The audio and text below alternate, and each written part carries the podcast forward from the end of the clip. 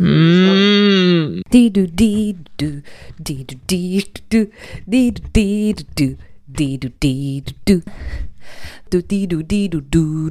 Pan jest drugą osobą zdrowia psychicznego, bo poprzednią był psychoterapeuta, a tak to raczej gadam sobie z komikami, to co mnie interesuje i, i, i z ludźmi, ale psychoterapeuta jaki podział? Gadam z, z, z komikami, i z ludźmi. z ludźmi No, i chyba- psychiatrami, i psychoterapeutą. Dobra, spoko. No to chyba nie jest przypadek. No, też tak powiedziało. Ale właśnie psychoterapeuta mówił bardzo płynnie i bardzo bez, nie musiałem żadnych e i y wycinać, chyba jest przygotowany do mówienia. to było bardzo wygodne. No nie, właśnie, bo w psychoterapii jest bardzo często. A. Ale to takie, to muszę wtedy zostawić. Mm. To to źle brzmi, ale to psychoterapeutycznie brzmi inaczej. No Ja tak czasem zaczynam odcinki od tego, że mm, wycinam jakiś fragment na początek, to to po prostu wytnę.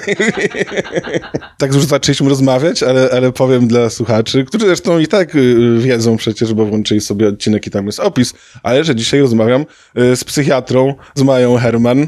Dzień dobry, a nawet psychiatrką. Psychiatrką, tak jest? O, bardzo, bardzo słusznie, tak. Tak jest. Chociaż jest to dziwna zbitka psychiatrką, ale jak najbardziej do wymówienia, więc why not? Bardzo, bardzo tak. Tr. Tak dużo. e, tr. No ale radzą sobie ludzie, radzą. Jak Tak. widać, pan ktoś- też sobie poradził. Tak, a ludzie tak mówią spontanicznie sami z siebie, czy trzeba zazwyczaj poprawiać? Zależy z jakiego środowiska. Jak ze środowiska takiego bardziej feministycznego i walczącego o równouprawnienie, to nie ma żadnego problemu i od razu mówią psychiatrka, nawet nie, nie, nie, nie pytając mnie, jak panią przedstawić.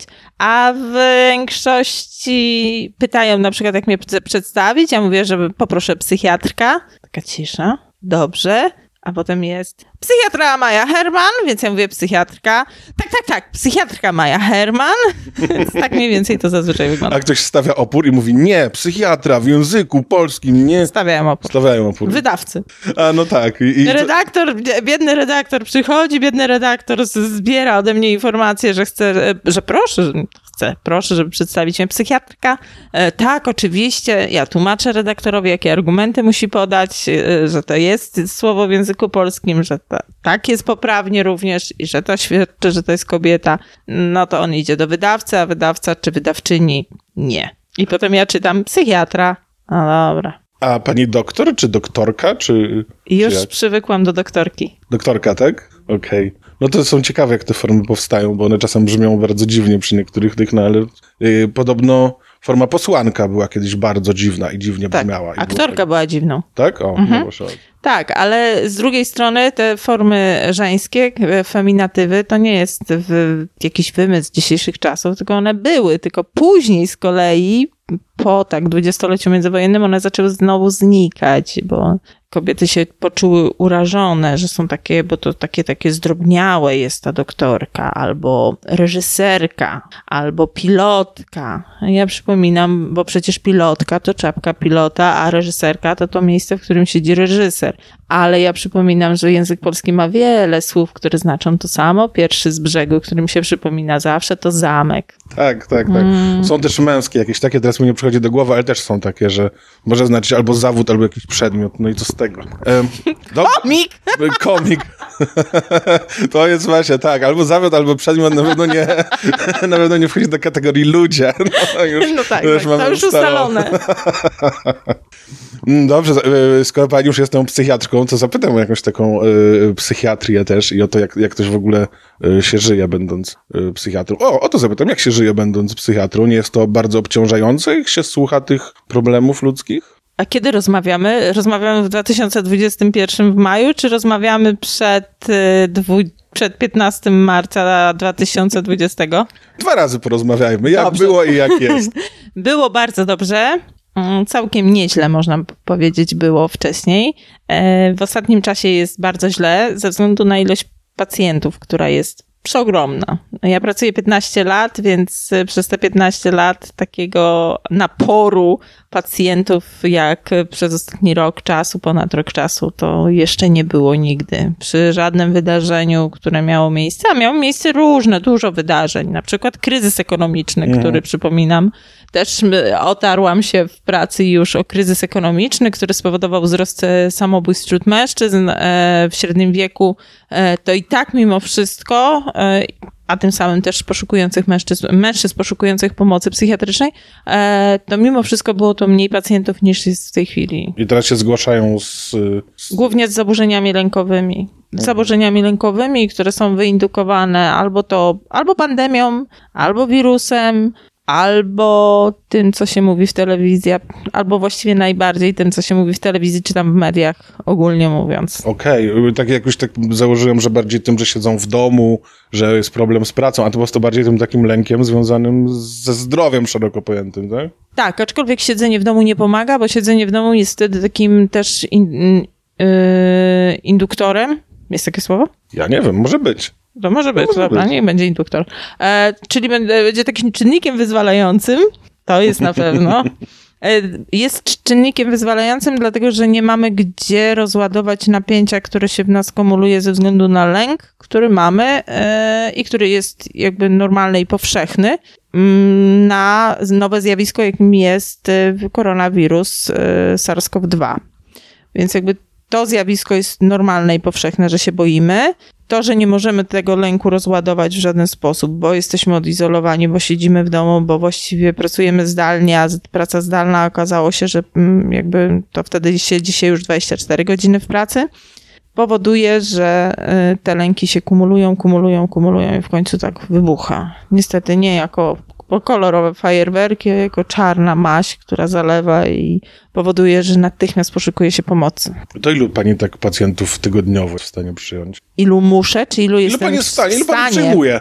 Ilu pani przyjmuje? Tak? Teraz od dwóch tygodni, trzech tygodni ograniczyłam ilość pacjentów, ponieważ e, czułam się za bardzo zmęczona i już nie byłam w stanie pomagać, e, więc ograniczyłam pacjentów do mm, bardzo małej liczby.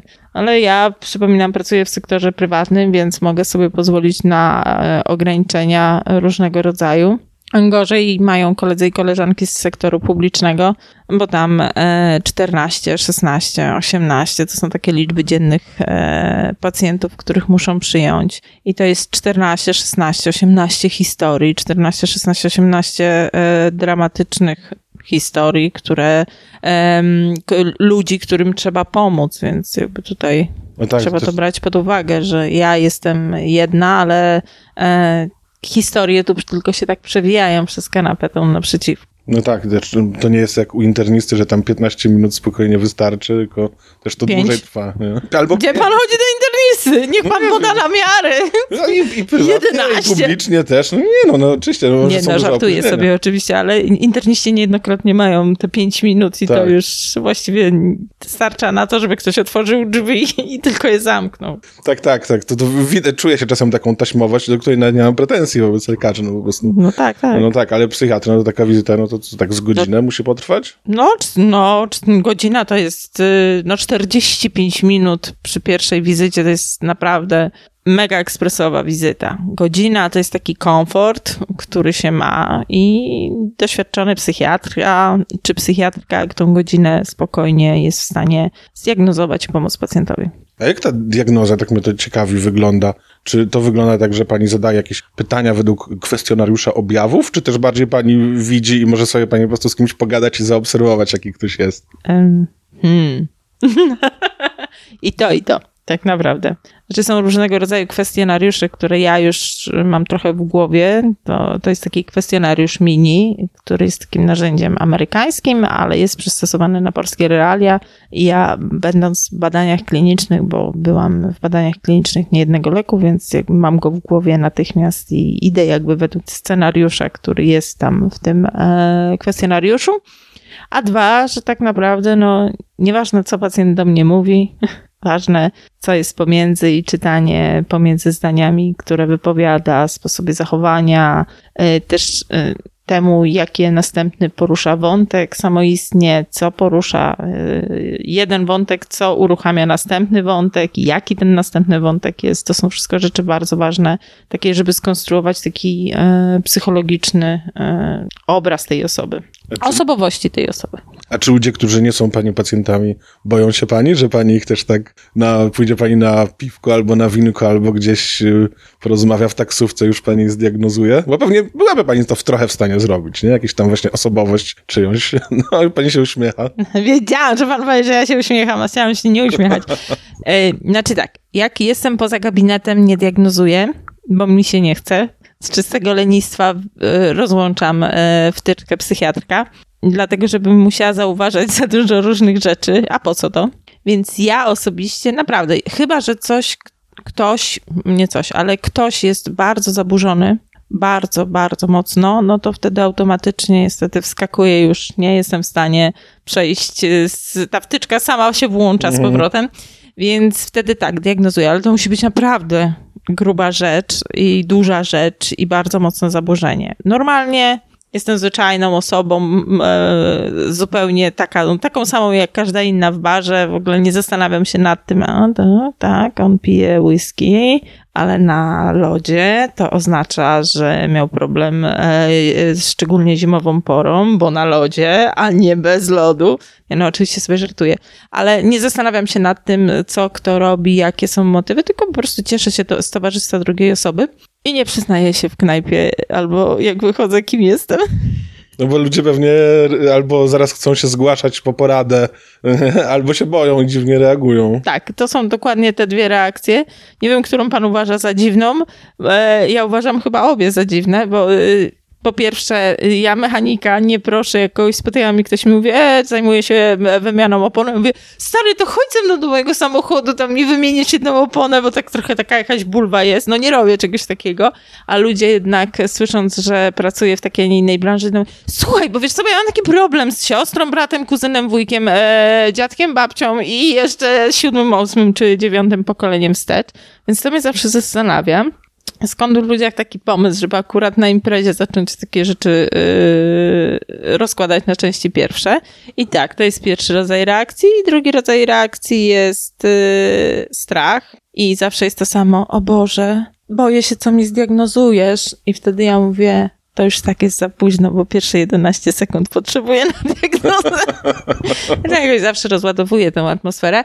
Aczkolwiek w, takim, w takich relacjach y, y, męsko, damsko-męskich jest to bardzo utrudniające mi, y, znaczy nie mi, tej drugiej stronie, wchodzenie w relacje ze mną, bo jednak mężczyźni mają liczne obawy co do tego, że jakoś za szybko przejrzę może ich grę, albo zobaczę, że oni grają, albo ocenię, że grają, a oni nie grają, więc jakby tutaj raczej na to zwalam e, winę, e, że to nie jest dobra, e, w takich relacjach nie jest dobry zawód. Więc co mówię? Jak ludzie mnie pytają, pytają, co robisz, czym się zajmujesz, mówię, że jestem stylistką. To pasuje do pani y, stylu i tak. Tak, jak ktoś pyta, y, e, stylistką, no, to rzadko kto się tak y, ten, albo dopytuje, albo widzę, że już jest bezpieczny, czyli że nie jest ani w jednej, ani w drugiej kategorii, tylko jest w trzeciej kategorii ludzi, którzy, ludzi, którzy zareagują neutralnie na zasadzie aha, fajnie, to dobry zawód, tak, jest potrzebny w tych czasach i przechodzą dalej, no to wtedy się przyznaję, że jestem stylistką, bo pamiętasz, ja powiedziałam, że jestem stylistką, tylko że ja jestem stylistką dusz. A to jakoś tak przychodzi, że jednak nie kłamałam. No więc to taki wybieg mam zawsze swój, ale nie przyznaję się faktycznie, bo pamiętam szczególnie jeszcze z czasów, y, jak byłam jeszcze, jeszcze młodsza, a y, dlatego do tego się odnoszę, bo byłam mniej asertywna. I potrafiłam przez to całe imprezy spędzać na rozmawianiu i pomaganiu wszystkim w koło. Nie, nie, a nie po to przecież idę na imprezę, ja też jestem tylko człowiekiem przecież, no. No tak, absolutnie tak. No ja w jakimś stopniu też tego trochę doświadczałem kiedyś bardziej, jak wykonywałem mój prawniczy zawód. Ja też, No o, właśnie. Jasiek, bo mój wujek ma taką sprawę o spadek. Co byś poradził? A wiesz co, moja żona e, się chce ze mną rozwodzić i chce orzekania o winie. Co ja mam zrobić, żebym, żebym nie dostał tego, e, żebym nie dostał alimentów dużych? No to jeszcze jest w ogóle, myślę, taki y, też problem, że przychodzi ktoś, może albo ktoś właśnie tak w życiu cywilnym, albo pacjent i mówi, no mam problem, moja żona jest okropna i wszyscy są okropni. I co z tym zrobić? I pewnie często bywa nie do końca tak, jak to pacjent opisuje. Że ktoś jest okropny. Tak. To taka magia, że przychodzi pacjent, mówi, że żona jest niedobra, dzieci są niedobre, jeszcze pies go irytuje, a do tego wszystkiego pokłócił się z panem na parkingu i potem dostaje na przykład leki po tej rozmowie, bo ja nie wiem, stwierdzam zaburzenia z kręgu takiego czy takiego i dostaje leki. Przychodzi za jakiś czas i mówi, wie pani co? Odkąd biorę leki, to i moja żona jest fajniejsza, i dzieci są normalne, się okazało. I ten pies jest całkiem fajny. Także tak, leki potrafią zmieniać członków rodziny równie, nawet bardziej bym powiedziała niż pacjenta. Pacjenta leczą, a członków rodziny zmieniają. O, tak bym to nazwała. Tak, ja tego doświadczyłem z kolei od strony psychoterapii, że y, moja rodzina się stała dużo fajniejsza, kiedy ja chodziłem na psychoterapię. Tak, ale to jest to samo, to jest też lek. Psychoterapia to przypominam, to jest też lek, tylko w trochę innej formie. A propos właśnie y, tego mm, diagnozowania, bo niektórzy są tacy troszkę przeciwni diagnozowaniu, że a po co to diagnozować, po co to wsadzać w te takie kategorie, po co to nazywać. Też z drugiej strony y, y, też mówią o takim problemie, y, że jak się kogoś zdiagnozuje, to ten ktoś sobie bardzo to weźmie do serca, nie? Powiedzieć, ja się, nawet się spotkałem z takimi ludźmi, sam też te, tego doświadczyłem, że dostałem jakąś diagnozę, potem myślałem, a, to ja już taki jestem, to już część mnie. I po prostu, albo też spotkałem osoby, które mówią, no, ja mam borderline, no więc nic dziwnego, że ja się będę tak zachowywać. Tak, mi powiedzieli, że jestem dyssocjalem, więc sorry, ale będę taki, a nie inny.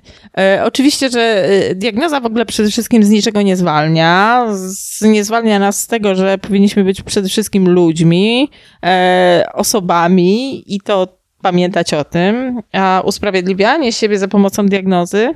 E, no, więc wracając to, trzeba pamiętać, że przede wszystkim się jest człowiekiem, mm, a diagnoza to jest tylko i wyłącznie taka, taki element klasyfikacyjny, który ma pomóc uporządkować medycznie sprawy i tyle.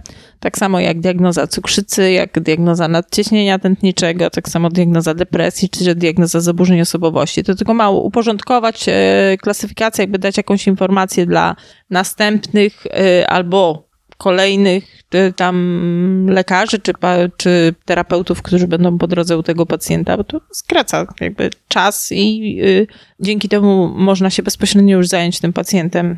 A to troszkę się jednak chyba różni od takiej diagnozy cukrzycy albo złamanej nogi, Czemu? bo cukrzyca nie dotyczy tak bardzo ja, a jakieś właśnie, no, to zwłaszcza jakieś cukrzyca zaburzenia to osobowości. dopiero dotyczy ja. No dobrze, no tak, ale... Ma pan cukrzycę? Nie. No nie mam. Nie, ja A, wiem, znam ludzi z cukrzycą, wiem, tak, Każda ale... choroba przewlekła dotyczy bardzo ja. No bardzo. tak, no rzeczywiście, dobra, cukrzyca jest złym przykładem, bo też ludzie się z tym identyfikują.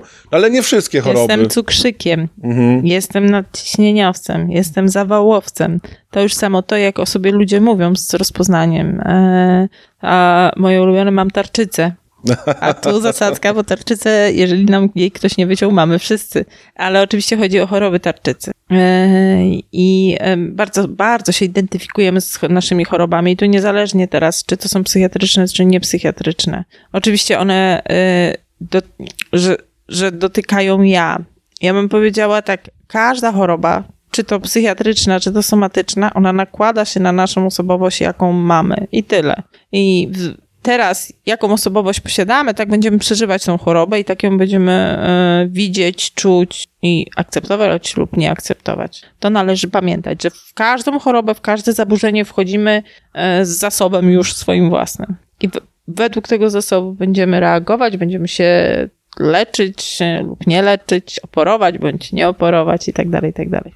Co to znaczy oporować? Oporować to znaczy stosować mechanizm obronny, który nazywa się oporem, który jest jednym z niedojrzalszych mechanizmów obronnych, polegającym na tym, że e, to, co mm, podświadome, jest bardzo bronione, żeby nie dojść do tego, co jest podświadome właśnie. I świadomość bardzo broni i pilnuje, żeby, żeby tego terapeuta tam nie dotknął, tym pazurem nie zaczął drapać i przydrapywać się przez skorupkę, bo podświadomość, e, bo nie chcemy tego tak naprawdę podświadomie. Okej, czyli to jest taki duży problem, myślę, w leczeniu, nie? Że ktoś z jednej bo ja to tak troszkę, tak o to pytam troszkę podstępnie, bo, bo y, sam tego na sobie doświadczyłem, też tro, trochę mi się zdarzyło o tym czytać, że właśnie z jednej strony pacjent, no powiem o sobie, ja przyszedłem sobie na terapię, chcę się zmienić, ale z drugiej strony, no nie chcę się zmienić i ja to czułem, że jest jak coś tam, co mnie ciągnie, że ja, że ja nie chcę się zmienić. Tak. Opór y, i wyparcie to są dwa takie y, mechanizmy, które są bardzo często u pacjentów i które właśnie bardzo utrudniają terapię, bo pacjent deklaratywnie mówi: Tak, przecież przyszedłem tutaj. Ja mówię: No tak, ale wypiera pan to, co się dzieje. Nieprawda, nie wypieram. Jakbym wypierał, to bym nie przychodził, a przychodzę. No I koniec. A pani No i- prowadzi też psychoterapię? Ma pani czas na, na psychoterapię? Nie, teraz już nie. Mhm. Ale prowadziłam długo psychoterapię, skończyłam e, szkołę psychoterapeutyczną, prawie pięcioletnią. Tak. Ale bardzo mi pomaga w takiej codziennej, codziennej pracy lekarskiej psychoterapia, bardzo. Na pewno, tak. To mi się kojarzy z, z tym, że właściwie po co psychiatra ma być lekarzem? W sensie, dlaczego, y, no bo dlaczego psychiatra, idę do psychiatry, to po co temu mojemu psychiatrze y, znajomość, nie wiem, anatomii, szczeg- szczegółów anatomicznych mojego kolana? Po co, y, po co on ma się znać na, dobra, na tarczycy, hormony, okej, ale, ale po, dlaczego psychiatra musi przejść te całe studia? Po co psychiatrze rozkrajanie ciał w prosektorium? Bo psychiatra i psychiatrka po pierwsze jest lekarzem, więc po pierwsze, po pierwsze primo, lekarka, to ja. Po drugie primo, dopiero robi się specjalizację, a po trzecie primo, można jeszcze zrobić e, psychoterapię. I e, ta wiedza na temat tego, jak to funkcjonuje, cały organizm jest niezbędna, dlatego że nie ma psychę bez somy i nie ma somy bez psychę, więc jakby te, te dwie rzeczy się kompletnie ze sobą, całkowicie się ze sobą zazębiają i nie można być psychiatrą, e, który no, musi się znać na farmakologii, czyli e, farmakoterapii, farmakokinetyce, czyli wszystko, co jest związane z podawaniem leków, jak ten lek oddziaływuje, co ten lek może zrobić, a jak ten lek działa w taki sposób, że zmienia na przykład ilość e, mazi stawowej w stawach i powoduje, że jest ich mniej, przez to stawy na przykład kolanowe gorzej będą funkcjonować, przez to będą pojawiać się bóle kolanowe i trzeba pacjenta ostrzec, że może się na przykład coś takiego zdarzyć. To taka, tak sobie, pierwsze z brzegu. Wie pan, dlaczego ja tak często mówię pierwsze z brzegu? Nie? I zawsze mnie to bawi, ale nikt tego nie wie, że to mnie bawi. Nie, niczego. Bo ja pochodzę z y, mie- y, miejscowości, która się nazywa Brzeg. I dlatego zawsze jak mówię pierwsze z brzegu, to tak zawsze mnie się śmiać chce. tak zawsze. Pierwszy z brzeg. A gdzie jest brzeg w Polsce? Brzeg jest między Wrocławiem a Opolem, dokładnie w połowie drogi, ale należy do województwa opolskiego. Okej. Nie mam chyba pytań dalej w tej kwestii, ale za to mam pytania o y, leki. Bo wiele osób bardzo się boi brać leki od psychiatry. Z, z takich powodów, że no raz, oczywiście, że mi niepotrzebne, albo że po co mam zmieniać to, jaki jestem, ale dwa, dlatego, że się, bo, taka bywa, że się ktoś uzależni od leku, albo że będą jakieś skutki uboczne, bardzo Będę jak. Robocop. Co? Jak Robocop będę. Tak, tak, tak. Albo jak y, zombie. Mhm. Nie wiem, co w dzisiejszych czasach bardziej chyba zombie przemawia, nie? Niż Chyba ten tak. Robocop. Mhm. Do mnie na pewno, bo ja teraz oglądam Walking Dead w domu, więc... A, no tak. No to pewnie tak. Y, Jest taki stary dowcip żołnierski, chlebak, jak sama nazwa wskazuje, służy do noszenia granatów. A i zawsze mi się to przypomina wtedy, kiedy mam zamiar powiedzieć pacjentowi, że leki, jak sama nazwa wskazuje, służą do leczenia. I tutaj zawsze przy wyborze leków stosujemy zasadę bardzo prostą, czyli e, korzyści nad potencjalnymi e, skutkami ubocznymi musimy rozważyć. Jeżeli korzyści przeważają, dajemy lek i w ogóle nie dyskutujemy. Czy leki psychiatrycznie uzależniają? 90% leków nie uzależnia, chociaż nie, może inaczej powiem. Leki nie uzależniają. Substancje, które są, e, służą do likwidowania objawów, uzależniają. Tak dzielę, bo teraz tak.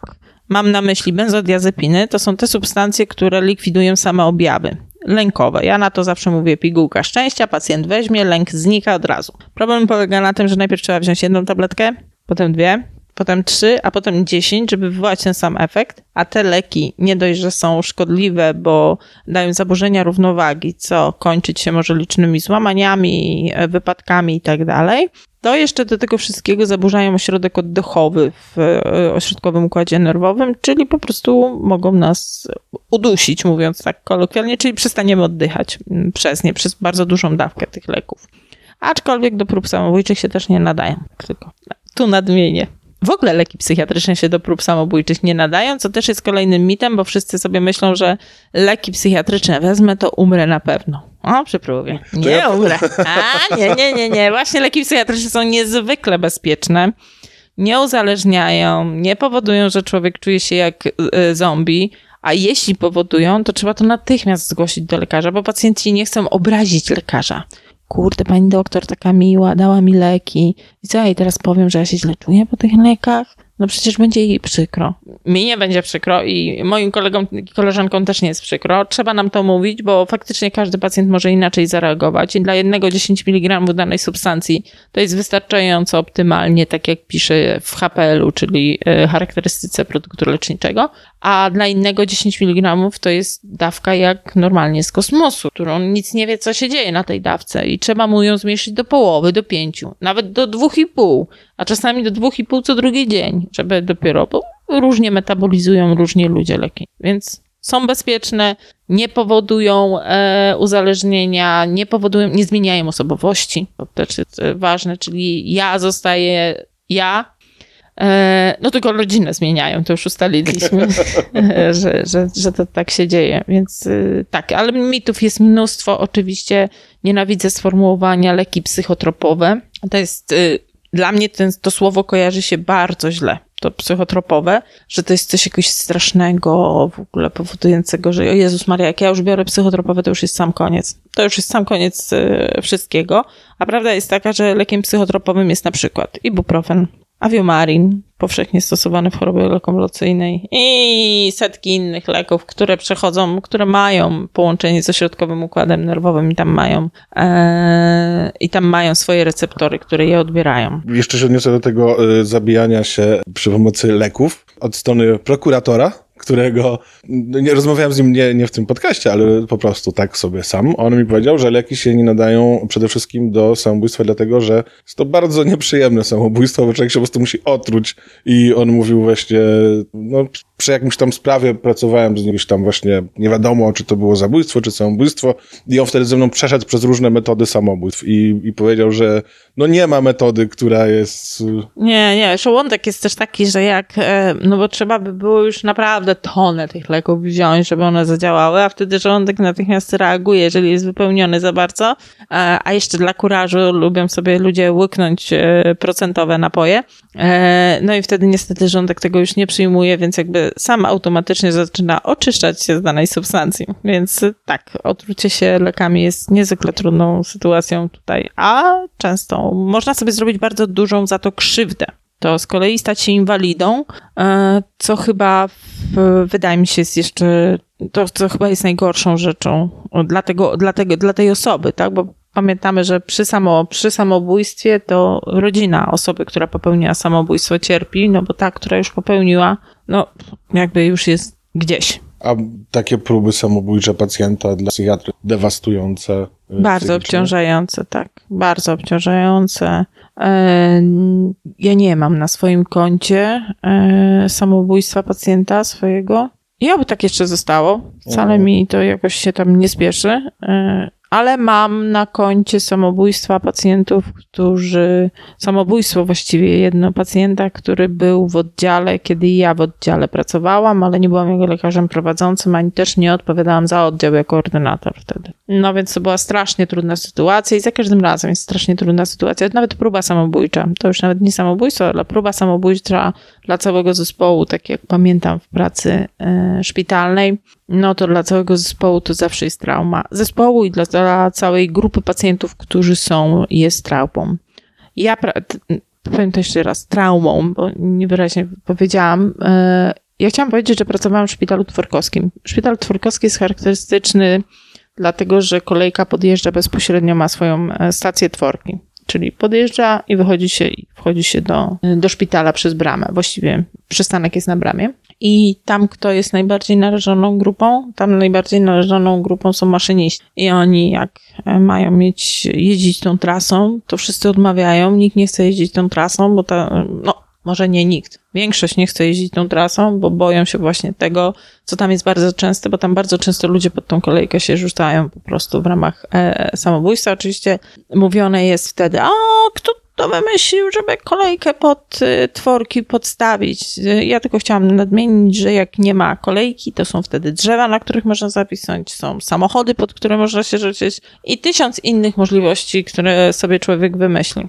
Ja się znowu odwołam do tej rozmowy z prokuratorem. Nie będę wchodził w szczegóły, ale on powiedział, że fizyka tak działa, że wbrew pozorom skoczenie pod pociąg też nie jest y, krótkie i bezbolesne. O nie, to to, to dopiero, bo to tkanki się rozszarpują i to ja tutaj potwierdzam. A, aczkolwiek ja mówię o traumie maszynisty, który tak, tak. zawsze tak. po prostu próbuje wyhamować, nigdy nie wie, czy wyhamował, nigdy nie wie, co zrobi, co się stało temu człowiekowi i zawsze siebie obwinia za to, że kurde, mogłem zauważyć, tak? Czy mogłam zauważyć? No, w przypadku maszynistek. Mhm. No tam to pewnie myślę, że też jest taki bardzo silny stres, no bo też nie można na maksa wcisnąć hamulca, bo przecież się wiezie mnóstwo jeszcze osób, wiezie się prawda? mnóstwo osób w środku i można na przykład spowodować kogoś w środku, kto w No. tym momencie akurat grzebie w kieszeni i niczego się nie trzyma stojąc. Tak, no tak jak ze dwa lata temu była ta była jakaś próba samobójcza nieudana, że ktoś, a nie pamiętam czy udana, czy nie w sumie, że ktoś skoczył z wieżowca w Warszawie i spadł na dziennikarkę, No. nie? I jej zrobił, więc tak, to jest... I zabił. To ja nie wiem, czy to ta, ale znam tę, tą sytua- taką sytuację, że zabił osobę, którą, na którą skoczył.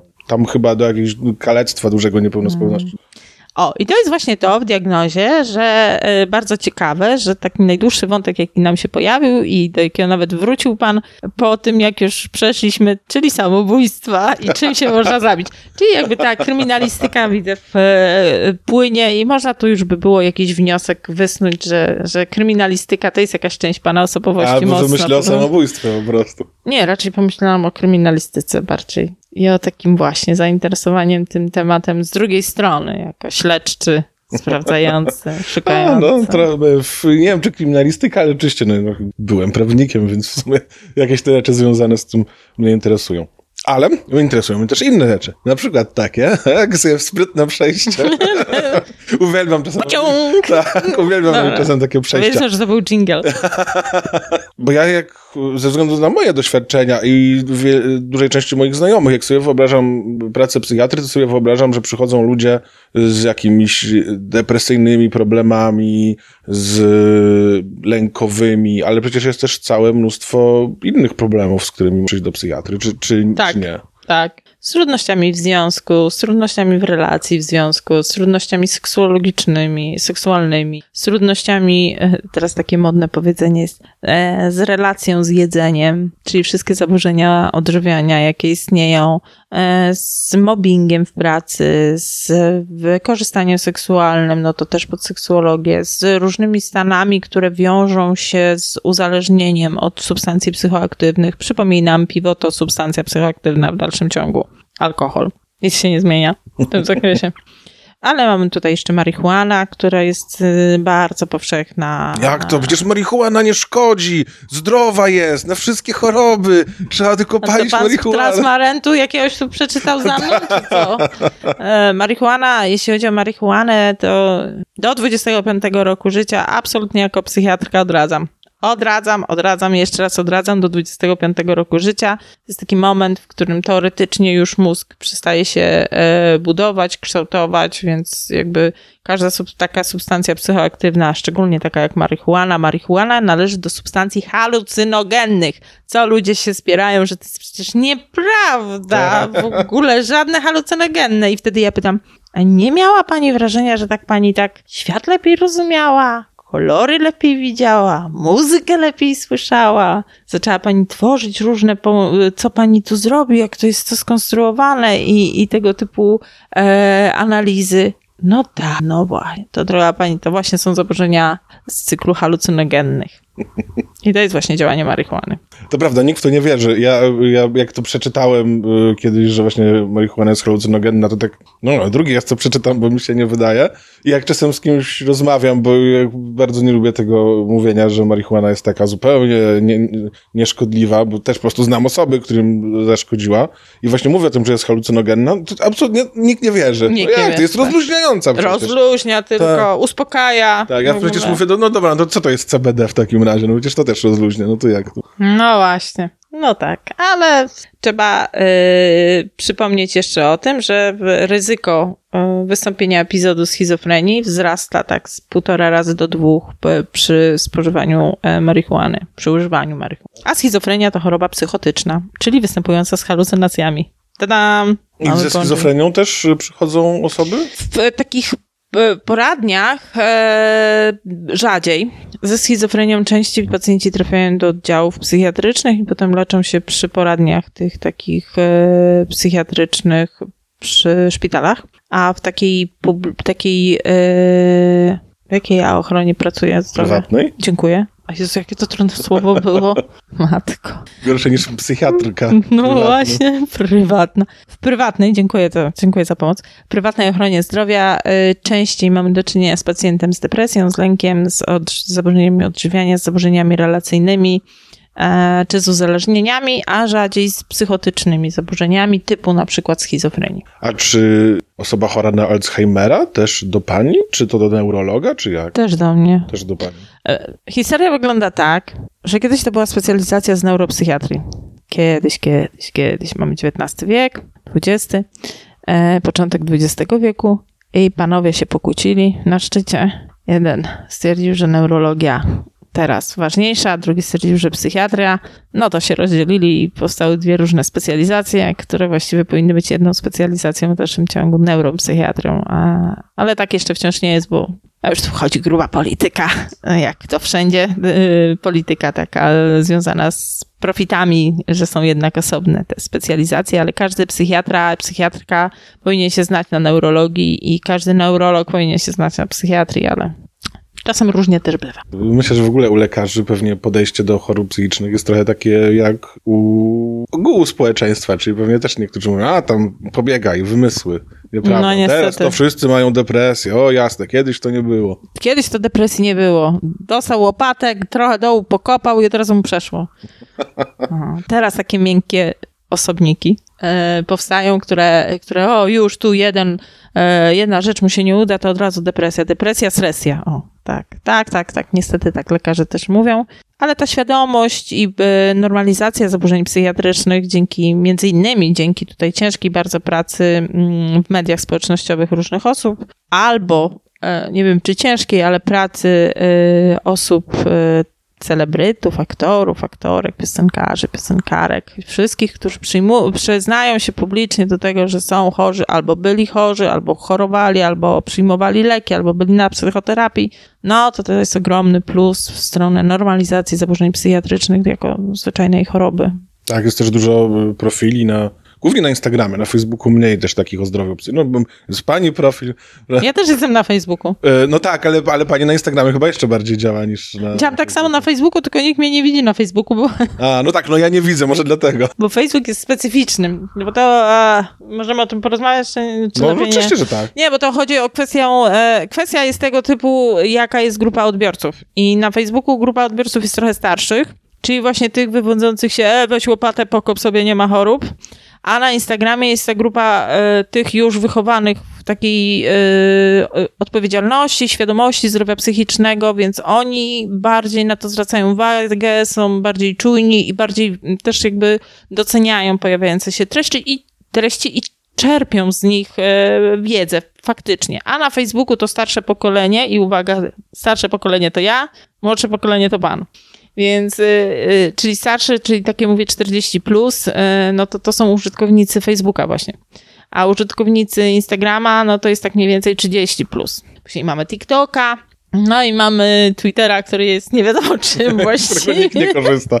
Politycy i dziennikarze. Nie, coraz więcej właśnie osób zaczęło korzystać, nawet ja zaczęłam z niego korzystać, ale tam to się młyn dzieje. Ja myślałam, że jest niedobrze na Facebooku i ludzie są wredni na Facebooku, bo różnią się też komentarze. Bardzo to się różni właśnie przyjmowanie danych treści i nikt z nas z Instagrama, faktycznie ten Instagram jest jakiś bliższy mojemu sercu i tak się bardziej jako instagramerka przedstawiam niż facebookowiczka, e, nikt z, naszych, z naszego grona celebrytów instagramerowych, instagramowych, medycznych celebrytów instagramowych, e, nikt nie lubi Facebooka, bo na Facebooku e, leje się różnego rodzaju, mogę tak, jak my mówimy, No, powiedzieć? oczywiście, że tak. Nawet Czy- może czy przeklinać. Nie, nie mogę przeklinać, bo mama nie pozwala. A ona wszystko słucha i wszystko ogląda i później dzwoni. Ślicznie mają, bardzo ładnie, tu popełniłaś taki błąd językowy, ale tu już bez błędów językowych, tylko proszę cię przestań przeklinać. No więc To przeklinać nie, tylko dla pani mamy powiemy, że to nie jest tak, że pani nie może przeklinać, tylko pani nie chce przeklinać. Nie chcę przeklinać, właśnie. O, dziękuję, teraz tak będę mówić. E, no szambo się leje w tych komentarzach w, na Facebooku, ale to facebookowe szambo to jest nic w porównaniu z tym, co się tam dzieje na tym Twitterze. To dopiero jest jazda, naprawdę. Ja po, mm, podparłam trochę y, taki tweet, który zrobiła Maja Staśko. Maja Staśko to jest taka aktywistka, dziennikarka, napisała dwie książki Oprócz tego napisała mnóstwo ciekawych artykułów. E, walczy o prawa kobiet, walczy przede wszystkim e, dla kobiet, które były do, doświadczone przemocą różnego typu, szczególnie seksualną. No i ona napisała mm, mm, mm, jestem atrakcyjna, no to, to jakby była częścią jakiegoś tam postu, w którym coś napisała. Nawet ja już teraz sama też nie pamiętam, e, czego to dotyczyło, ale to nie chodziło sensie o to, że a tu wyszła Maja Staśko i sobie krzyczała, jestem atrakcyjna, po prostu, o, jestem fajna babka, ładna i w ogóle. Chociaż nawet jeśli, to też nie widzę problemu, dlaczego miałaby tego nie robić, skoro się akceptuje. No i rozpoczęła się burza. Jak ona może? Oczywiście zaczęło się od tego, że przecież jeśli się jest atrakcyjnym, to się o tym nie mówi, bo trzeba być skromnym. E, no to ja, jak to zaczęłam czytać, to oczy mi na wierzch wyszły. Przypomniałam sobie tysiące moich setki pacjentów, którzy pracują nad samoakceptacją siebie, swojego ciała, swojego umysłu, swojego sposobu myślenia i tego, jak w końcu przychodzą i mówią, pani doktor, super się czuję sama ze sobą, jestem super babką, nie? I to nagle jakiś typ wyskakuje, że nie wolno tak mi powiedzieć, bo co? No, więc ja też napisałam, jestem atrakcyjna fizycznie i, psych- i jeszcze do tego jestem inteligentna, żeby jeszcze tak dokręcić tam tą śrubę. Tweet został podany dalej przez Maję Staśko, więc y, jakby nakręciła się spirala, no i się zaczęło przekonywanie mnie, że wcale nie jestem atrakcyjna. I to mnie tak rozbawiło, i to było, muszę powiedzieć, że te, te, takie weekendowe doświadczenie było strasznie zabawne, naprawdę. To było tak zabawne, tekst, nie jesteś ładna. I gdzie, gdzie leży klucz, clue tego wszystkiego? I gdzie leży, gdzie leży problem? Jakby napisałby mi to, nie wiem, Maciej X, e, moim zdaniem nie jesteś ładna, albo dla mnie nie jesteś ładna. To ja bym wtedy odpisała na, taką, na taką formę, e, która byłaby mi napisała, okej, okay, rozumiem. No tak, co z tego trochę, ale no tak. No, nie pytałam cię o zdanie, nie, nie, nie mnie jednak, e, nie, nie okej, okej, okay, w ogóle mnie to nie uraża, bo y, to, że ja dla siebie jestem ładna i atrakcyjna, to wcale nie znaczy, że muszę uważać, że jestem ładna i atrakcyjna. Ja tego wcale nie powiedziałam w tym tweetie.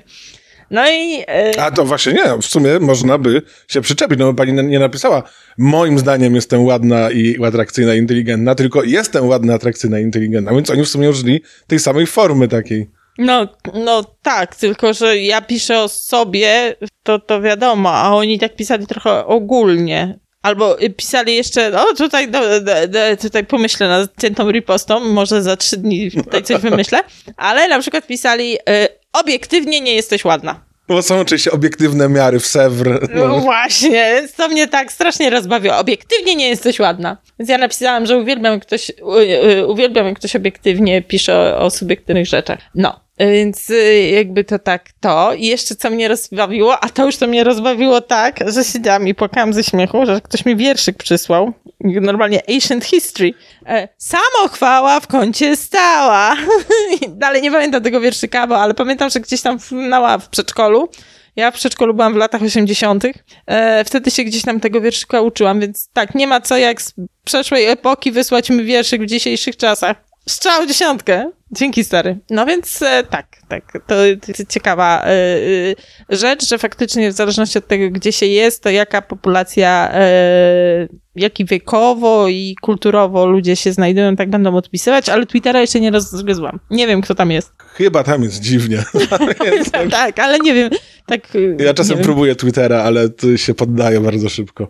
Tak, tak, to moje też jest któryś z kolei podejścia. Mam konto od 2017 na Twitterze. Jak się pani, bo pani dużo mówi o tym hejcie też w internecie, prawda? I dużo pani pisze o tym hejcie. Tak. Y, i, i teraz się, szczególnie. No właśnie teraz szczególnie tak, też o tej przemocy y, psychicznej. psychicznej. Mhm. Y, I jak się, czy pani była teraz taką ofiarą hejtu i przemocy psychicznej? Mnie zdarzyło się to kilka razy na przestrzeni tych x lat, jak już jestem w internecie, czyli gdzieś tam od tego y, tak mocno od 2012 roku. Y, zdarzyło mi się 3-4 razy.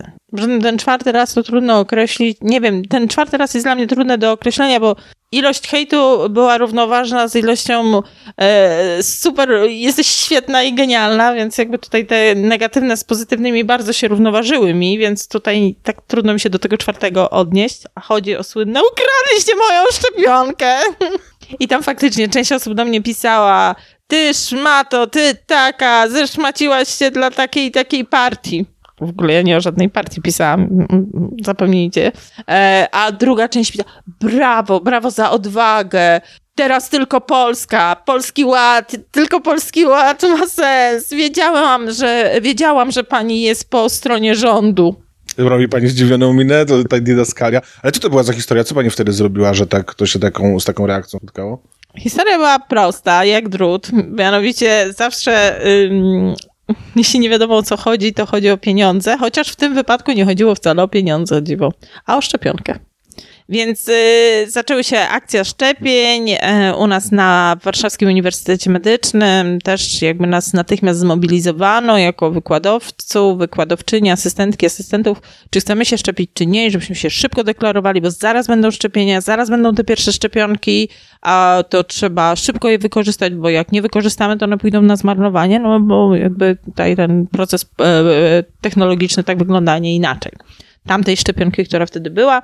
No i nagle się okazało, że ja tu sobie siedzę spokojnie i nagle patrzę, że tam jedna gwiazda, druga gwiazda, trzecia gwiazda, czwarta gwiazda, tam zaczyna się robić młyn, bo oni zostali zaszczepieni, a my zostaliśmy z ręką w nocniku nasi studenci, my i tak dalej, i tak dalej. I y, jakby chodziło o to, żeby odwołać się do kogoś, kto organizuje szczepienia i bardziej ja się odwoływałam do tych osób, a nie do y, osób y, celebryckich, które dostały propozycję zaszczepienia się. Ja się nawet nie dziwię, że jak pani X czy pan Y dostał propozycję, że się zaszczepi, no to poleciał szybko, żeby się zaszczepić. Ja naprawdę się o to, e, że oni to zrobili. E, ja tylko wypowiedziałam swoje zdanie, że pracuję na tej uczelni i nikt mi nie zaproponował. I to nie jest prawda, że my odmawialiśmy, tylko nikt do nas nawet nie zadzwonił, że są szczepionki, bo my byśmy natychmiast, ja osobiście, natychmiast bym się stawiła. Ale nikt do mnie nie zadzwonił. Napisałam ten post, dość taki ostry, e,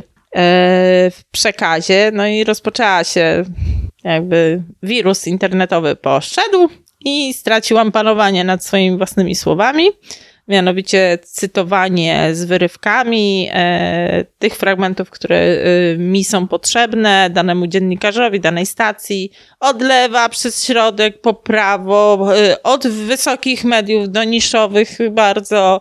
E, nawet nie wiedziałam, że tylu redaktorów i redaktorek ma mój numer telefonu, bo nagle wszyscy zapragnęli ze mną wywiadu, e, żebym wyjaśniała, więc ja wszystkim odpowiadałam absolutnie sprawiedliwie to samo coś nie mam do powiedzenia, bo jest w poście i koniec. No i to jakby sprowokowało tą machinę, no, byłam nawet w Super Expressie na pierwszej stronie. Oho. Nie wiem, do tej pory cały czas się zastanawiam, czy uznawać to za sukces, czy uznawać to za porażkę. Więc jeszcze czas nie wiem. No może, może neutralnie.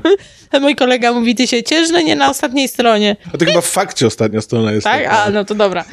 E, ja zawsze na przykład, jak ktoś pisał do mnie, to było tak strasznie też zabawne, bo e, akurat jedna część zabawna była tej historii, bo na przykład ktoś, kto tutaj mocno lewicowo i ja jestem tylko to i w ogóle, albo mocno intelektualnie, tylko czytam najmądrzejsze rzeczy na całym świecie, pisze do mnie, e, jesteś na pierwszej stronie Super Expressu. I ja zawsze odpowiadałam tak, po pierwsze, dlaczego ty to czytasz? A po drugie, e, co ty? No, albo z drugiej strony właśnie, że ci lewicowi tacy tego mówią, jesteś w takiej, takiej telewizji, jesteś w tej, tej, tej, e, w tym odłamie tej telewizji, w tym odłamie, bo oczywiście w każdym odłamie tamtej telewizji byłam, nie lewicowej. I oni do mnie, e, ja mówię, no dobra, okej, okay, wszystko w porządku, wiem, widzę, bo akurat oglądam wiadomości, więc widzę, co się dzieje bo oglądam wtedy wszystkie wiadomości, jakie tylko były na jakimkolwiek kanale, mm, czy to Polsat, TVN, czy, czy TVP. Wszędzie wszystko oglądałam, bo już bałam się, bo już naprawdę z każdej szafy wyskakiwałam, z lodówki, z każdej konserwy i mówię do niego, no dobra, okej, okay, ale ty się tak zapierałeś, że ty nie oglądasz tej telewizji. Ja mówię, a tutaj dokładnie wiesz gdzie i jak. No wiesz, wiesz, no wiesz, no tak jakoś wyszło tym jednym, jedynym razem, tym jednym, jedynym razem akurat jak był mój post, nie? Cytowany, to tu, to tam absolutnie żaden dziennikarz praktycznie rzecz biorąc nie zachował się e, ok i tak jak mówię, to co mu pasowało wyrywał sobie z tego posta i cytował z tego posta. E, a najbardziej mnie chyba denerwowało, jak dodawali inne zdjęcie, bo dla mnie zdjęcie, które dodaję do posta ma jakieś znaczenie. A y, najbardziej chyba mnie denerwowali, że zmieniali zdjęcie pod to, co im bardziej pasuje, nie? Jak na przykład Super Express, taki kolorowy i w ogóle, i w ogóle, a zdjęcie było czarno-białe i takie dość nudne, teoretycznie, które ja w poście umieściłam to oni dowalili zupełnie inne, wyciągnęli gdzieś tam z, z krążących dostępnych zdjęć moich, wyciągnęli takie właśnie kolorowe, rozgadane i roześmiane i w ogóle nie pasują. To, to było to. I tutaj nie wiem, czy hejt był, czy nie był, czy tutaj jak to tak, jak to ocenić. Raz zostałam zhejtowana przez grupę e, ojców za wypowiedź dotyczącą, e, ostrą wypowiedź dotyczącej opieki naprzemiennej, jakiegoś dziwnego tworu, który w Polsce jakby w dalszym ciągu źle funkcjonuje, bo jest zapis mówiący tylko pod warunkiem, że rodzice nie są w konflikcie, a w większości spraw niestety nie patrzy się na to, czy są, czy nie są w konflikcie i to dziecko jest na, na, naprzemiennej i niestety chodzi tak naprawdę, tydzień jest w, w Rosji, a drugi tydzień jest w Stanach Zjednoczonych. No można tak to porównać. Ja to oczywiście porównałam, że tu jest zdrowo, a tu się żywi w McDonaldzie. Chyba w tamtym wywiadzie, o Boże, co się zaczęło, o matko, jaka, że ja jestem przeciwna mężczyznom opiekującym się dzieciom. No tak, jestem przeciwna mężczyznom opiekującym, najbardziej jestem przeciwna mężczyznom opiekującym się dzieciom, dziećmi, tak właśnie o to mi chodziło, a jasno zaznaczyłam, że po prostu rodzice są w konflikcie. Rodzice! Mhm. Na rodzica składa się w Polsce jeszcze wciąż. Matka i ojciec, tak? Więc y, dopóki tak, y, tak było, to chodziło mi o kobietę i o mężczyznę tutaj, no ale to już z, z, niestety poszło lawiną, oni gdzieś tam na tej jakiejś grupie facebookowej się zmówili na mnie i zasypywali mnie naprawdę nieprzyjemnymi wiadomościami i nieprzyjemnymi komentarzami. Oczywiście słowami wul, wulgarnymi albo określającymi e, e, najstarszy proceder świata. To taka zabawa, którą mieli. Raz dostałam od feministek, co też jest przezabawne. To jest następna przezabawna rzecz, że od feministek dostałam, że jak ja mogłam powiedzieć, że pokolenie 80 plus to jest pokolenie w większości, które ma zaburzenia ze spektrum borderline. No jak ja mogłam tak, w ogóle, jak ja mogłam tak, jak ja się ośmieliłam tak, to, to jest skandal. I jak ja się ośmielam mówić, że pokolenie 90 plus, bo to już było, będzie rosło na ludzi takich czy takich. I tam ich określiłam, no dokładnie takich jacy są w tej chwili. Czyli jak? Czyli, e, no, czyli takich, które no, mają trudności z samodzielnością, wychodzą późno z domu, e, trzymają się przy mamie, bo nie wiem, czy pan wie, ale średni wiek mężczyzn wychodzących z domu w Warszawie to 38 lat, e, usamodzielniający się. No i ja tak mniej więcej tak opisałam to pokolenie, bo to też było lata temu. I one gdzieś mnie dopadły na jakimś forum, też na jakiejś grupie i zgadały się. To, to, to jest najgorsza rzecz internetu, która istnieje, czyli zgadywanie się na kogoś i dobra, wiecie co teraz trzeba robić? Robić mu złą opinię. No ja o tyle mam dobrze, że ja nie pracuję w żadnym takim miejscu, w którym opinia o mnie mogłaby jakoś mi zaszkodzić, ale e, taka sprawa sprzed kilku dni, gdzie kolega weterynarz, no niestety została schejtowana e, lecznica, która, w której pracował. No ale tamte dziewczyny ostro mocno działały, tylko że tutaj się przejechały, bo jednak większość feministek mnie lubi, więc miałam screeny kto mówił, więc sobie do tych prowodyrek napisałam wiadomości, że jestem ciekawa, co na to wiadomo i załączałam screena, załączałam screena i mówiłam, że jestem ciekawa, co ich pracodawca powie. Takie nawoływanie. I wtedy jakby wichło. No, jeden raz to jest sam począł bycia w internecie, przepłoszył z internetu kilka lat, cztery. Pisałam takiego bloga. No i tam niestety algorytm, wtedy były takie coś jak blogi. Tak. Takie, y, Była kiedyś coś Była takiego. taka strona z blogami w ogóle i algorytm e, wyrzucił chyba, tak myślę, że taki, w ramach czegoś takiego się zdarzyło, że algorytm mój blog na stronę polecanych, czytania i tak dalej się zaczęło. Tam to miałam 100 tysięcy wejść dziennie, dziesiątki tysięcy komentarzy i tam to się lało, boże, to, to było 2000 którymś tam, tam właśnie na początku i to było straszne, to było najstraszniejsze, co mnie dotknąć. Nie wiem, czy dlatego, że pierwszy raz E, czy dlatego, że w takim e, skomasowaniu, nie wiem, ale ja stwierdziłam, o nie, nic nie robię w internecie. Koniec, nigdy, nigdy więcej w internecie nie robię. No ale potem... No właśnie, mimo tych doświadczeń, dalej pani tam w internecie jest. Ale najpierw się ukryłam pod y, Amici Psychiatria Użyteczna, jest taki fanpage na e, Facebooku, oczywiście wiadomo, wszędzie zostawiam ja jako śmiernica. Jak już założę na jednym medium, to założę na wszystkich mediach społecznościowych. Więc ta psychiatria użyteczna jest, to się nazywa sztuka terapii Amici edukacja, więc tak to się w pierwszej wersji chyba nazywało, z tego pamiętam, i jakoś tak ewoluowało, że zostało psychiatria, psychiatria użyteczna i tak funkcjonuje sobie, chociaż nie mam czasu teraz tym się zajmować, bo w pewnym momencie stwierdziłam, dobra, wychodzę z cienia, wychodzę z szafy, robię coming out, tak, to ja. I teraz e, treści, już jestem na tyle silna, już się na tyle nie boję tego, że e, będę swoje treści promować sobą. E, I swoje będę walczyć tam, gdzie inni nie mogą walczyć, to ja będę walczyć za nich. No i tak jak powiedziałam, tak zrobiłam. Aczkolwiek hejt obserwuję bardzo intensywnie, jak, jak on ewoluuje, jak on się zmienia.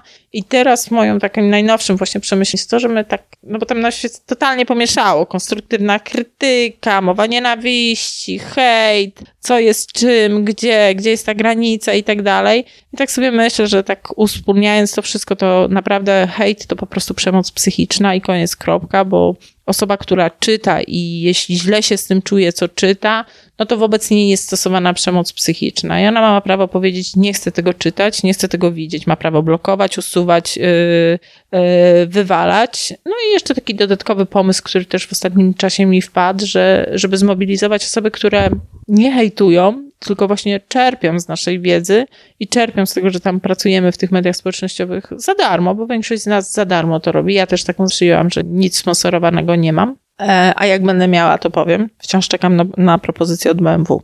Nie przychodzi. Jeszcze troszkę. Nie przychodzi, nie przychodzi. E, no więc y, chciałam zmobilizować osoby, które po prostu y, czytają nas, że może nas zabraknąć, jeśli będą też biernie przyglądać się hejtowi, który nas spotyka. Więc ja jako ja nie, aż tyle tego hejtu nie, bo myślę, że się boją tej psychiatrki. Ale jak, jak w ogóle odróżnić hejt od y, krytyki? No bo są, są takie osoby, które E, każde najcięższe słowa przyjmą jako krytykę. No tak, jestem słaby, ktoś mi powiedział, że jestem idiotą, no to najwyraźniej jestem idiotą, ale też z drugiej strony jest ktoś, kogoś, e, kto każdą niepochlebną opinię odbierze jako hejt. Jak to odróżnić? Bo to czasem, ja znaczy się tak. spotykam z takimi sytuacjami, że ktoś nazywa hejtem coś, co jest y, krytyką bardziej niż hejtem. To trudne pytanie. Bo bardzo dużo zależy, bo to nie, nie da się tego obiektywnie zmierzyć. Nie da się. To będzie zawsze subiektywne podejście. Zawsze. I, to należy przyjąć za taki pewnik i na tym zacząć budować całą resztę y, teorii. I teraz ja mogę powiedzieć coś komuś w różny sposób. Na przykład o y, jeansowej koszuli. Jeansowe koszule są niemodne. Jak to brzmi? Nie za miło, szczerze mówiąc, tak samo takie zdanie. Okej. Okay. Dlatego didaskalia teraz moje. Pan posiada jeansową koszulę na sobie.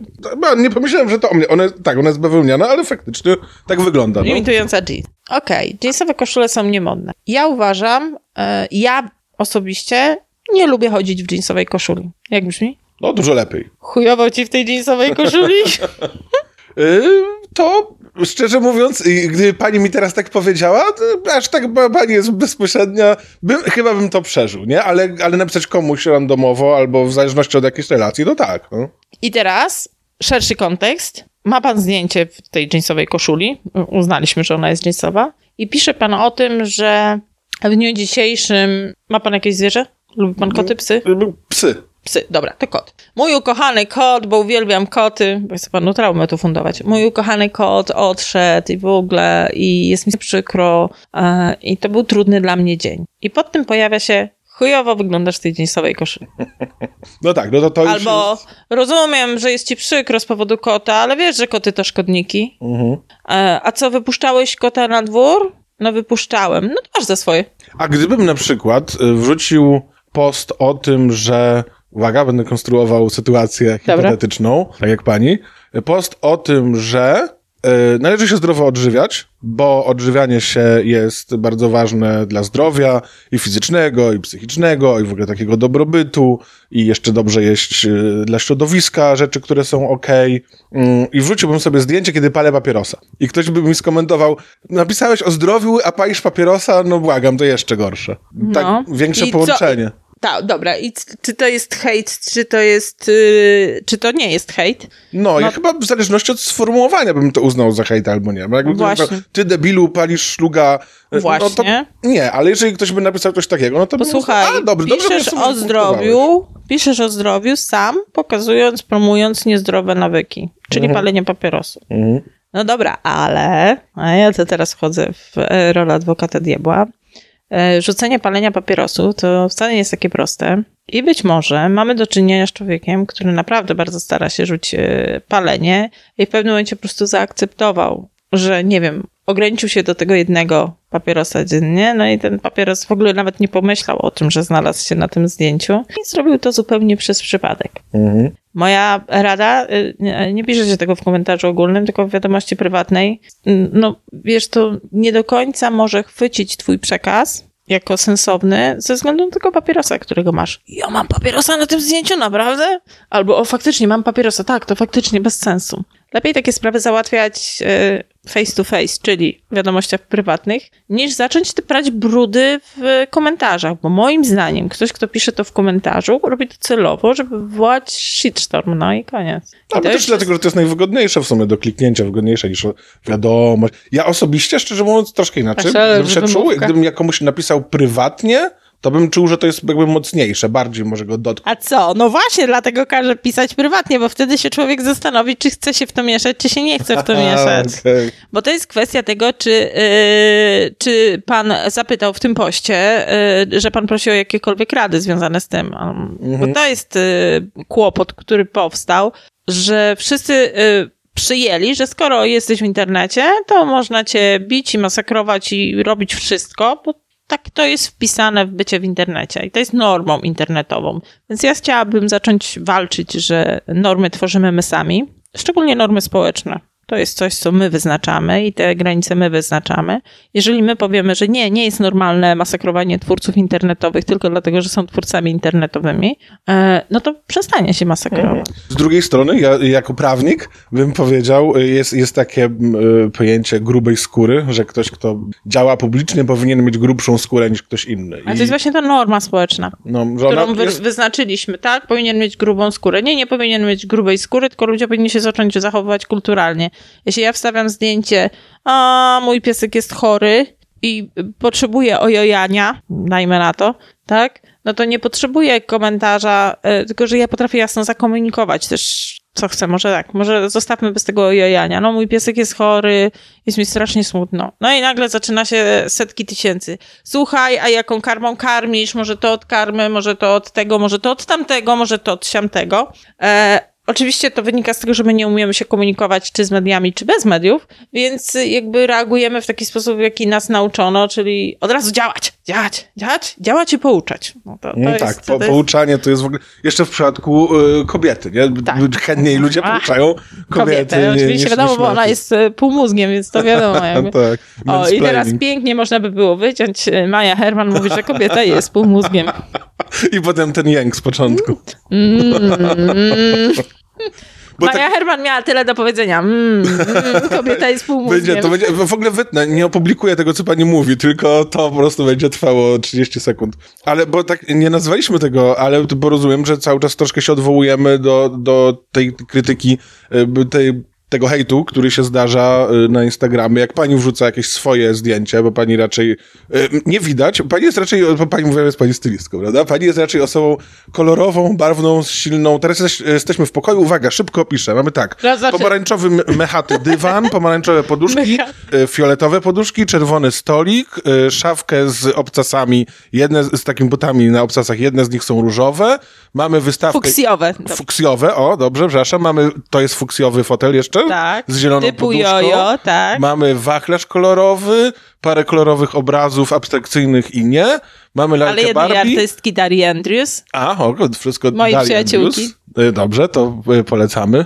Y, Tak jakby pani chciała mieć BMW, to Dalia Andrews. Andrews. Andrews jest w nie tylko pytaniach. I też Co właśnie mamy? koń, róże, postać kobiety i To tak są dalej. goździki, to jest, O, dobra, tak, goździki, jest dużo kolibrów, wszędzie są kolibry, I ściany są takie różowo-łososiowe, pewnie jest lepszy kolor na to. malinowe na przykład. Malinowe, o. Na No, przykład malinowe.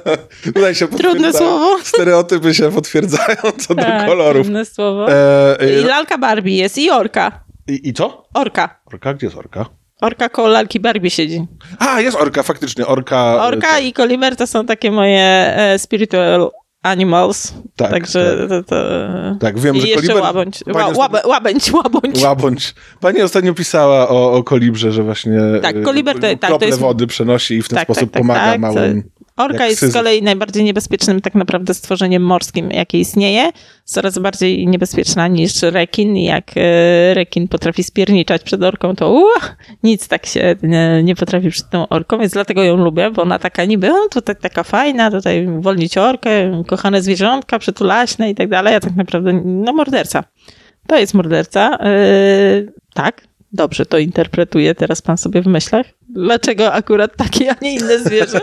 Jest lalka Barbie. Ja nigdy nie miałam lalek Barbie, nie było nas na to stać, żebym mogła mieć lalki Barbie, więc e, jak weszła taka e, seria, e, jak to jest You Can Be Whoever You Want, coś takiego. I to są lalki Barbie, które prezentują różnego rodzaju zawody. Oczywiście ja A, mam tu lekarkę. A rzeczywiście, faktycznie. A jakby pan ją wziął do ręki i y, przybliżył sobie, to ona jest y, normalnych jakby rozmiarów. To nie jest lalka Barbie typu y, 10 cm talii i 120 cm w biuście, tylko to jest normalna po ludzkiemu Okej. kobieta z biodrami. Kiedyś ktoś szukał celulitu u niej i żeby ją e, i to by do, i stwierdził, że to by dopiero ją urealniło naprawdę. Tak, to też się z tym zgadzam. Nie jest na obcasach wcale, bo to strój lekarski ma na sobie, ale jest rozczochrana, bo ja też jakby grzebienia nie używam za często. Ale jest też, e, proszę, e, żeby nie było, tak, jest u- jest łabądek też, jest. łabądek jest, jest, jest. I jest też podajnik na chusteczki, no bo jesteśmy w gabinecie psychiatrycznym, Wiadomo. który jest jednocześnie lustrzany i brokatowy. Tak jest. E, więc. No, więc jak z tego opisu wynika, jest pani dosyć taką właśnie barwną osobą, e, dużo st- stawiającą na, na estetykę i, i pani wrzuca zdjęcia na przykład i, i z tego jak rozumiem się bierze taki czasem te komentarze się biorą, nie? Że jest taki temat, który ludzie uznają za bardzo poważny, o którym trzeba by wrzucić zdjęcie w garsonce, a pani na przykład pisze o nim, akurat jest lato, jest pani, nie wiem, w e, kostiumie, nie? Nie, to jak jestem w kostiumie, to celowo jestem w kostiumie. Wtedy umieszczam zdjęcie celowo w kostiumie. To tak nie.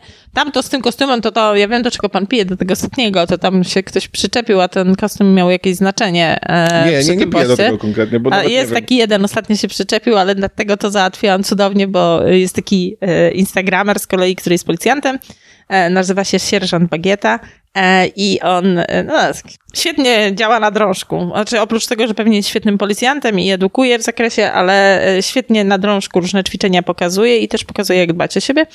I sierżant Bagieta umieścił takie zdjęcie od e, tak mniej więcej od e, wysokości piersi do, e, do stóp, gdzie jakby centralnym kadrem zdjęcia było jego krocze.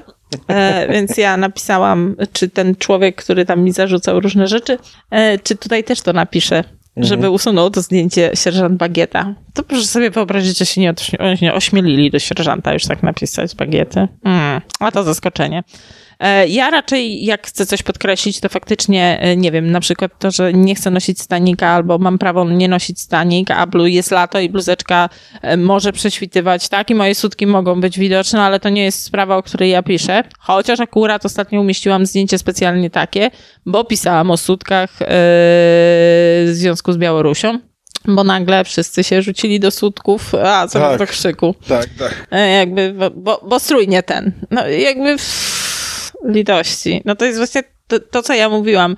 My z moją przyjaciółką się śmiałyśmy, ona e, też w branży robi medialnej i zawsze się śmiałyśmy, że ona takie piękne, ona mówi, to taki piękny post, ją to dużo kosztowało też, żeby taki piękny skonstruować post, merytoryczny, w związku z tym, co ona się zajmuje i tak dalej, i tak dalej, a tam komentarze, piękne buciki, skąd taka szminka? O, wspaniałe coś tam. E, Ona, opadały jej ręce, ja mówię, Jezu. I więc wtedy sobie zawsze robiłyśmy takie komentarze nawzajem, piękne buty i obie miałyśmy z tego polewkę, bo rozumiałyśmy, to był taki między nami szyfr, który był. No ale y, są zdjęcia, gdzie mam czarno-białe zdjęcia, są też, ja jestem zwolenniczką tego, żeby pokazywać prawdę, taką jaką jestem. Ja się często pokazuję bez makijażu, albo zaraz jak wstaję, albo y, gdzieś tam jak zasypiam, albo y, to, to jest często, bo ja tak jak jem, to się zawsze uświnię gdzieś, bo tak mało zwracam na to uwagę, więc czasami też mi się zdarza, że na story mam patrzę, a tu później oglądam, to stara taka plama po czekoladce, nie? Na przykład, a na bluzce, ale to tak każdy z nas czasami ma plamę po, na bluzce po czekoladce. No na litość boską. Czasami każdy jest rozczochrany, brudny, inaczej. Nie, ja nie chodzę w, w szpilkach do ogrodu, tylko w gumiakach żółtych. Akurat żółtych, no bo e, tylko żółte były wtedy takie dostępne, które były takie luźne, łatwo wsadzalne. No ale mam wielkie za to rękawice, takie też żółte do sadzenia swoich kwiatków i do latania ze szpadlem. Dalej podtrzymuję, że nikogo jeszcze nie zakopałam z ludzi. Mimo tej orki, Mimo tej orki. która jest mordercą. I tak będę mówić. A czy, przyszło mi do głowy, czasem tak robię, że, yy, że wcielam się w adwokata diabła. Czy mogę yy, sformułować potencjalnie taką najbardziej ostrą y, krytykę takich postów i pani by mi powiedziała, co pani by na to odpowiedziała? Tak. No więc, ta, no, dobra, potencjalnie najbardziej ostra to w ogóle będzie z wulgaryzmami, nie? Ale- Proszę, ale pan może. Nie, no ja mogę, ja mogę, mama tak, zabrania. tak, a moja mama nie słucha, więc mi też zabrania, ale... Moja niestety ogląda wszystko, odkąd jej założyłam konto na Instagramie. Tylko widzę się Mika. Babcia Stasia Amici, babcia Stasia Amici. Ja mówię, aha, już będzie znowu. Babcia Stasia Amici, tak, tak, Tak się nazwała, tak. tak. No ja, y, y, tak, po pierwsze mama nie słucha, po drugie no, musiałaby to jakoś przeżyć. tak, no, trudno. No dobra. Te tematy, które pani porusza, takie społeczno, y, Obyczajowe? zdrowotne, obyczajowe, ale też często dotyczące zdrowia psychicznego. Można by je poruszać, nie robiąc y, sobie selfie i swoich zdjęć, nie? W sensie, że na przykład je- jest ten taki y, profil psychoedu, też taki popularny. Y, ojejku, zapomniałem jak, jak się nazywa ta dziewczyna, bardzo fajny. Taki właśnie popularny. Nie, nie, on jest popularny. Wydaje mi się, że nawet pani, wydaje mi się, że pani go nawet y, u siebie tam udostępniała Tak. jakoś ostatnio. I tam raczej są jakieś grafiki, infografiki i tak dalej. I teraz y, y, właściwie mm, takim pierwszym krokiem takiej krytyki, potencjalny, bo nie mówię, że tak uważam, ale Jasne. byłoby to, że po co siebie tak naprawdę, jaki jest tego cel, a drugi Właśnie, a może cel jest właśnie taki, żeby tak naprawdę pokazywać siebie. I może na przykład to zdjęcie. Ja znam taką osobę. Ja znam taką osobę, akurat o której ja osobiście tak uważam, no ale też nie będę jej tego mówił, bo po co? Która wrzuca. O, i to jest bardzo mądre, co pan powiedział. Też jej nie będę tego mówił, bo po No co? tak, jakby, no I tak po powinni co? ludzie reagować No i co- na i co- różne treści, które ich denerwują, albo Tak. które się... A Tak, po co? i serio, jakby, to okej, no rób sobie co chcesz, tak? Ale znam osobę, która wrzuca bardzo seksowne fotki, zawsze mając do tego uzasadnienie, które jest, że nie wiem, chcę pokazać kobiecą siłę, y, nie wstydźmy się siebie, ale ja tak troszkę myślę, że to jednak głównie chodzi o pretekst do tego, żeby wrzucać swoje fotki, żeby tam ludzie patrzyli. Y, I, i też właśnie gdyby ktoś taki zarzut ustawił, pani. Że ja bym chodzi- wtedy powiedziała? No, mhm. I I, okej.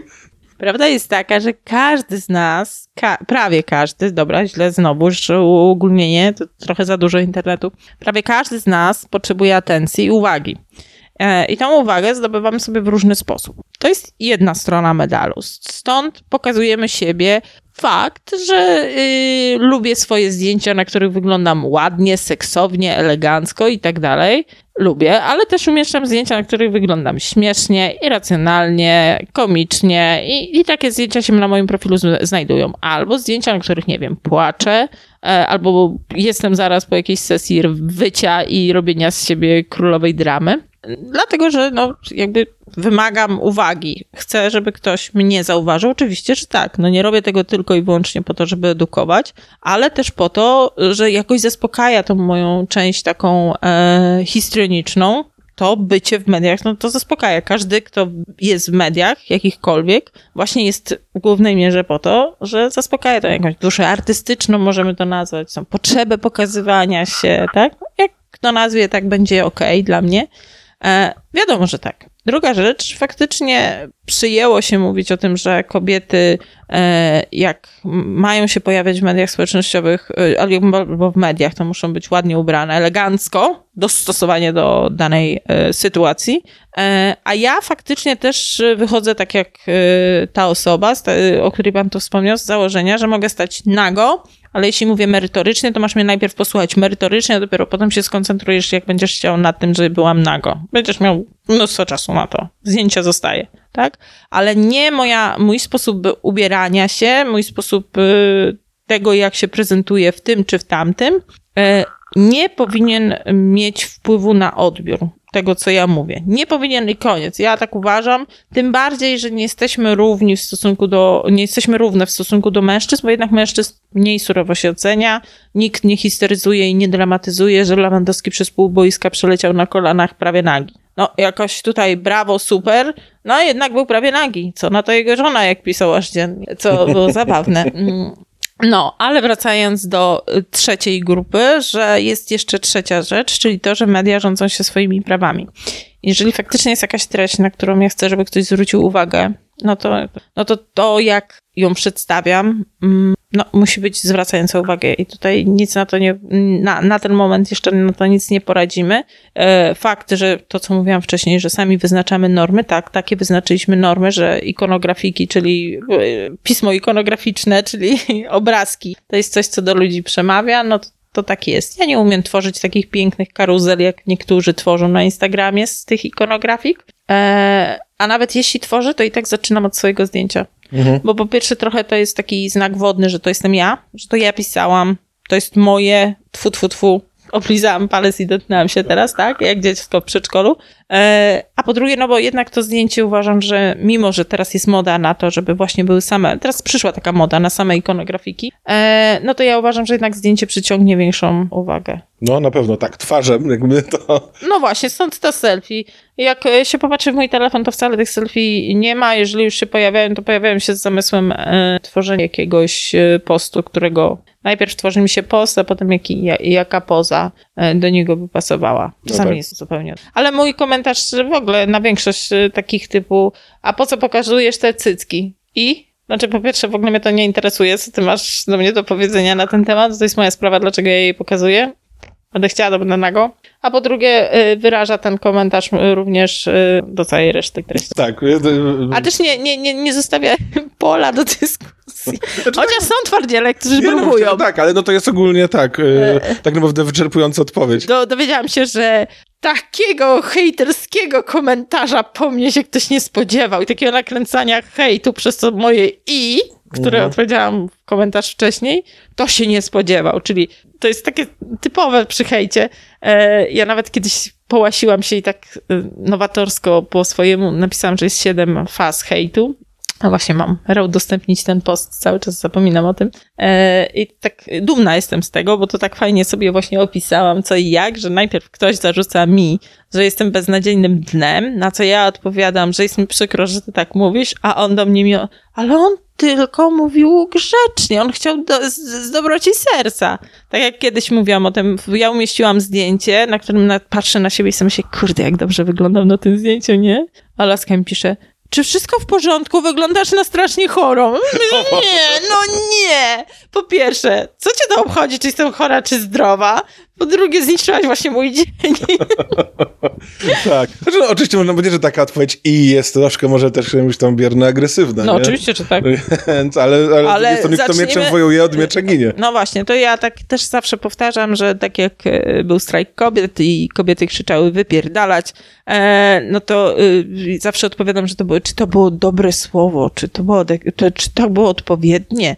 Więc ja zawsze wtedy powtarzam, że sorry, ale na wojnie nie strzelamy z płatków róż, tylko z prawdziwych kul. Więc jak idę na wojnę, no to idę na wojnę z, wojnę z całym e, inwentarzem i zasobem jakim. No ja bardzo rozumiem też to takie podejście, że, się, że, że lubimy się trochę pokazać i potrzebujemy atencji. Ja też potrzebuję trochę więcej, a ten podcast to niby co to jest No przecież. I to, że jakieś tam Ja nie uważam, że to jest też, e, że to jest też coś negatywnego, że to jest jakiś przytyk, w sensie, że to jest, oczywiście ja rozumiem, że intencją kogoś jest e, przy- zrobić właśnie ten przytyk w stosunku do mnie, tak? E, Tyle tylko, że ja go nie odbieram jako przytyk, no bo to prawda. Mhm. No tak. To nie jest jakaś wada też człowieka, że on chce atencji. Od, od noworodka, od, odkąd się przychodzimy na świat, to pierwsze co zaczynamy krzyczeć, bo jest nam zimno, źle i niewygodnie wisząc nogą, e, głową do dołu, jak nas ta po, No tak, często, trzymają. często tak mamy, że, Więc- że wkurza nas y, to, jak ktoś szuka atencji. Bo że ktoś naszą jakąś skalę atencji przekracza, to to wkurza. Ja wiem, że ja czasem denerwuję ludzi moim szukaniem atencji, staram A się to zmieniać. kogo to denerwuje tego, kto tej atencji też chce, a my go przekrzykujemy naszą atencję. On jest zły, bo jak wiadomo, królowa jest tylko jedna, proszę pana. Więc jak pojawia się druga królowa w zasięgu, to ta pierwsza się zaczyna wściekać. I najczęściej to jest przyczyna tego, że ktoś się denerwuje na to, że pan jest atencyjny, bo on przestaje być widoczny. Jak się pan pojawia? A pan przecież nikomu nie zabrania być atencyjnym. Zabrania? No, też mnie to czasem denerwuje. Ale ja się No a to dlaczego? Dlatego, że ktoś jest lepszy niż No. No tak, to... znaczy ja się też staram y, y, trochę słuchać takiego feedbacku i, i trochę zmniejszać tę atencyjność. Może nawet to, że robię podcast, w którym robię wywiady, a nie sam gadam, to jest jakimś krokiem w tę stronę. I Małym, bo małym, ale jest. Tak. Nie będę pani czasu zajmował, już rozmawiałem półtorej godziny, więc yy, A jakie były moje pierwsze słowa? proszę się streszczać. Nie, nie, nie, nie, Jak stop! To? No takie były, no takie były. N- Nie, A jakie były? takie były? No? O, cholera. Jak szliśmy, jeszcze nie nagrane, ale że pan się yy, yy, coś tam, no? Ale tutaj didaskalia teraz ja robię. bo- była imitacja mojego chodu przez ruszenie ramionami, Tak jest. co było była, zabawne. była, tak jest. No dobrze, bardzo... Ja, na szczęście jestem obdarzona dużym, po- dużym dystansem do samej siebie i dużym poczuciem humoru i polecam moje zdjęcie na Instagramie, które doprowadza do szału moją perfekcyjną przyjaciółkę i mówi usuń to zdjęcie. Od czterech lat ze mną walczy, żebym usunęła zdjęcie, jak jestem na takim materacu i mam takie wykrzywiane palce i wykrzywiane minę, bo zimna woda mnie dotyka i to jest właśnie zdjęcie pod tytułem nie zawsze dobrze się wychodzi w stop klatkach, żeby nabrać dystansu do siebie i ona zawsze dla mnie wrzeszczy, że mam usunąć to zdjęcie, bo ona dostaje szału, jak je widzi. No to odwrotnie, to teraz się posłuchać tych, którzy nie chcą ładnych zdjęć i posłuchać tych, którzy nie chcą brzydkich zdjęć, może po prostu trzeba robić to, Dlatego robię teraz tak, raz tak, raz tak, raz Tak, tak. tak, tak. No ja się staram też y, nie za bardzo też przyjmować jakąś tam krytyką, nie? W sensie, czasem mam tak, że jak, jak ktoś bardzo dużo mówi o tym, że się nie przejmuje krytyką, to to jest dla mnie dowód na to, że się przejmuje Bardzo krytyką. przejmuje, tak nie? Że mnie nie interesuje to i ktoś właśnie nawala jakieś posty Nie. albo b- pisze o tym, że mnie, mnie jest wszystko, no to jakby no sorry, no. Nie, krytyka zawsze boli. To, to, to, to nie ma. To, to jak to jest ten przykład z tym moim zdjęciem, że ja tak patrzę na siebie, kurde, ale fajnie wyglądam, a ktoś mi pisze, czy jest wszystko u ciebie w porządku, wyglądasz na chorą? Z tym się, no szlak, no. Naprawdę mi to zepsuło dzień wtedy, no. Bo ja tutaj naprawdę czułam się dobrze i zaczęłam się dopatrywać, co jest coś nie tak w tym zdjęciu, czy coś. No zaczęłam się tym przejmować, no. Bo tutaj faktycznie zaburzono, zaburzono moje poczucie widzenia siebie. No ale No tak, zwłaszcza jak się człowiek chce y, pochwalić. No dobrze, bardzo dziękuję za Tak, ja rozmowę. się tam chwaliłam Tak? moją nową bluzą. Uważaj, co do mnie mówisz, bo mogę opisać cię w poście. Maja Herman. Naprawdę pomaga w każdej sytuacji społecznej. Wszyscy są takie cymili, jak ją noszę. Tylko nie na randki, bo, bo wtedy się mężczyźni No, boją. ale i tak nie, nie chce ze mną chodzić na randki po tym, jak się dowiaduję, że jednak jestem psychiatrką, więc spoko. O Jezu, no dobrze, to w takim razie bardzo dziękuję za rozmowę, życzę powodzenia w randkowaniu.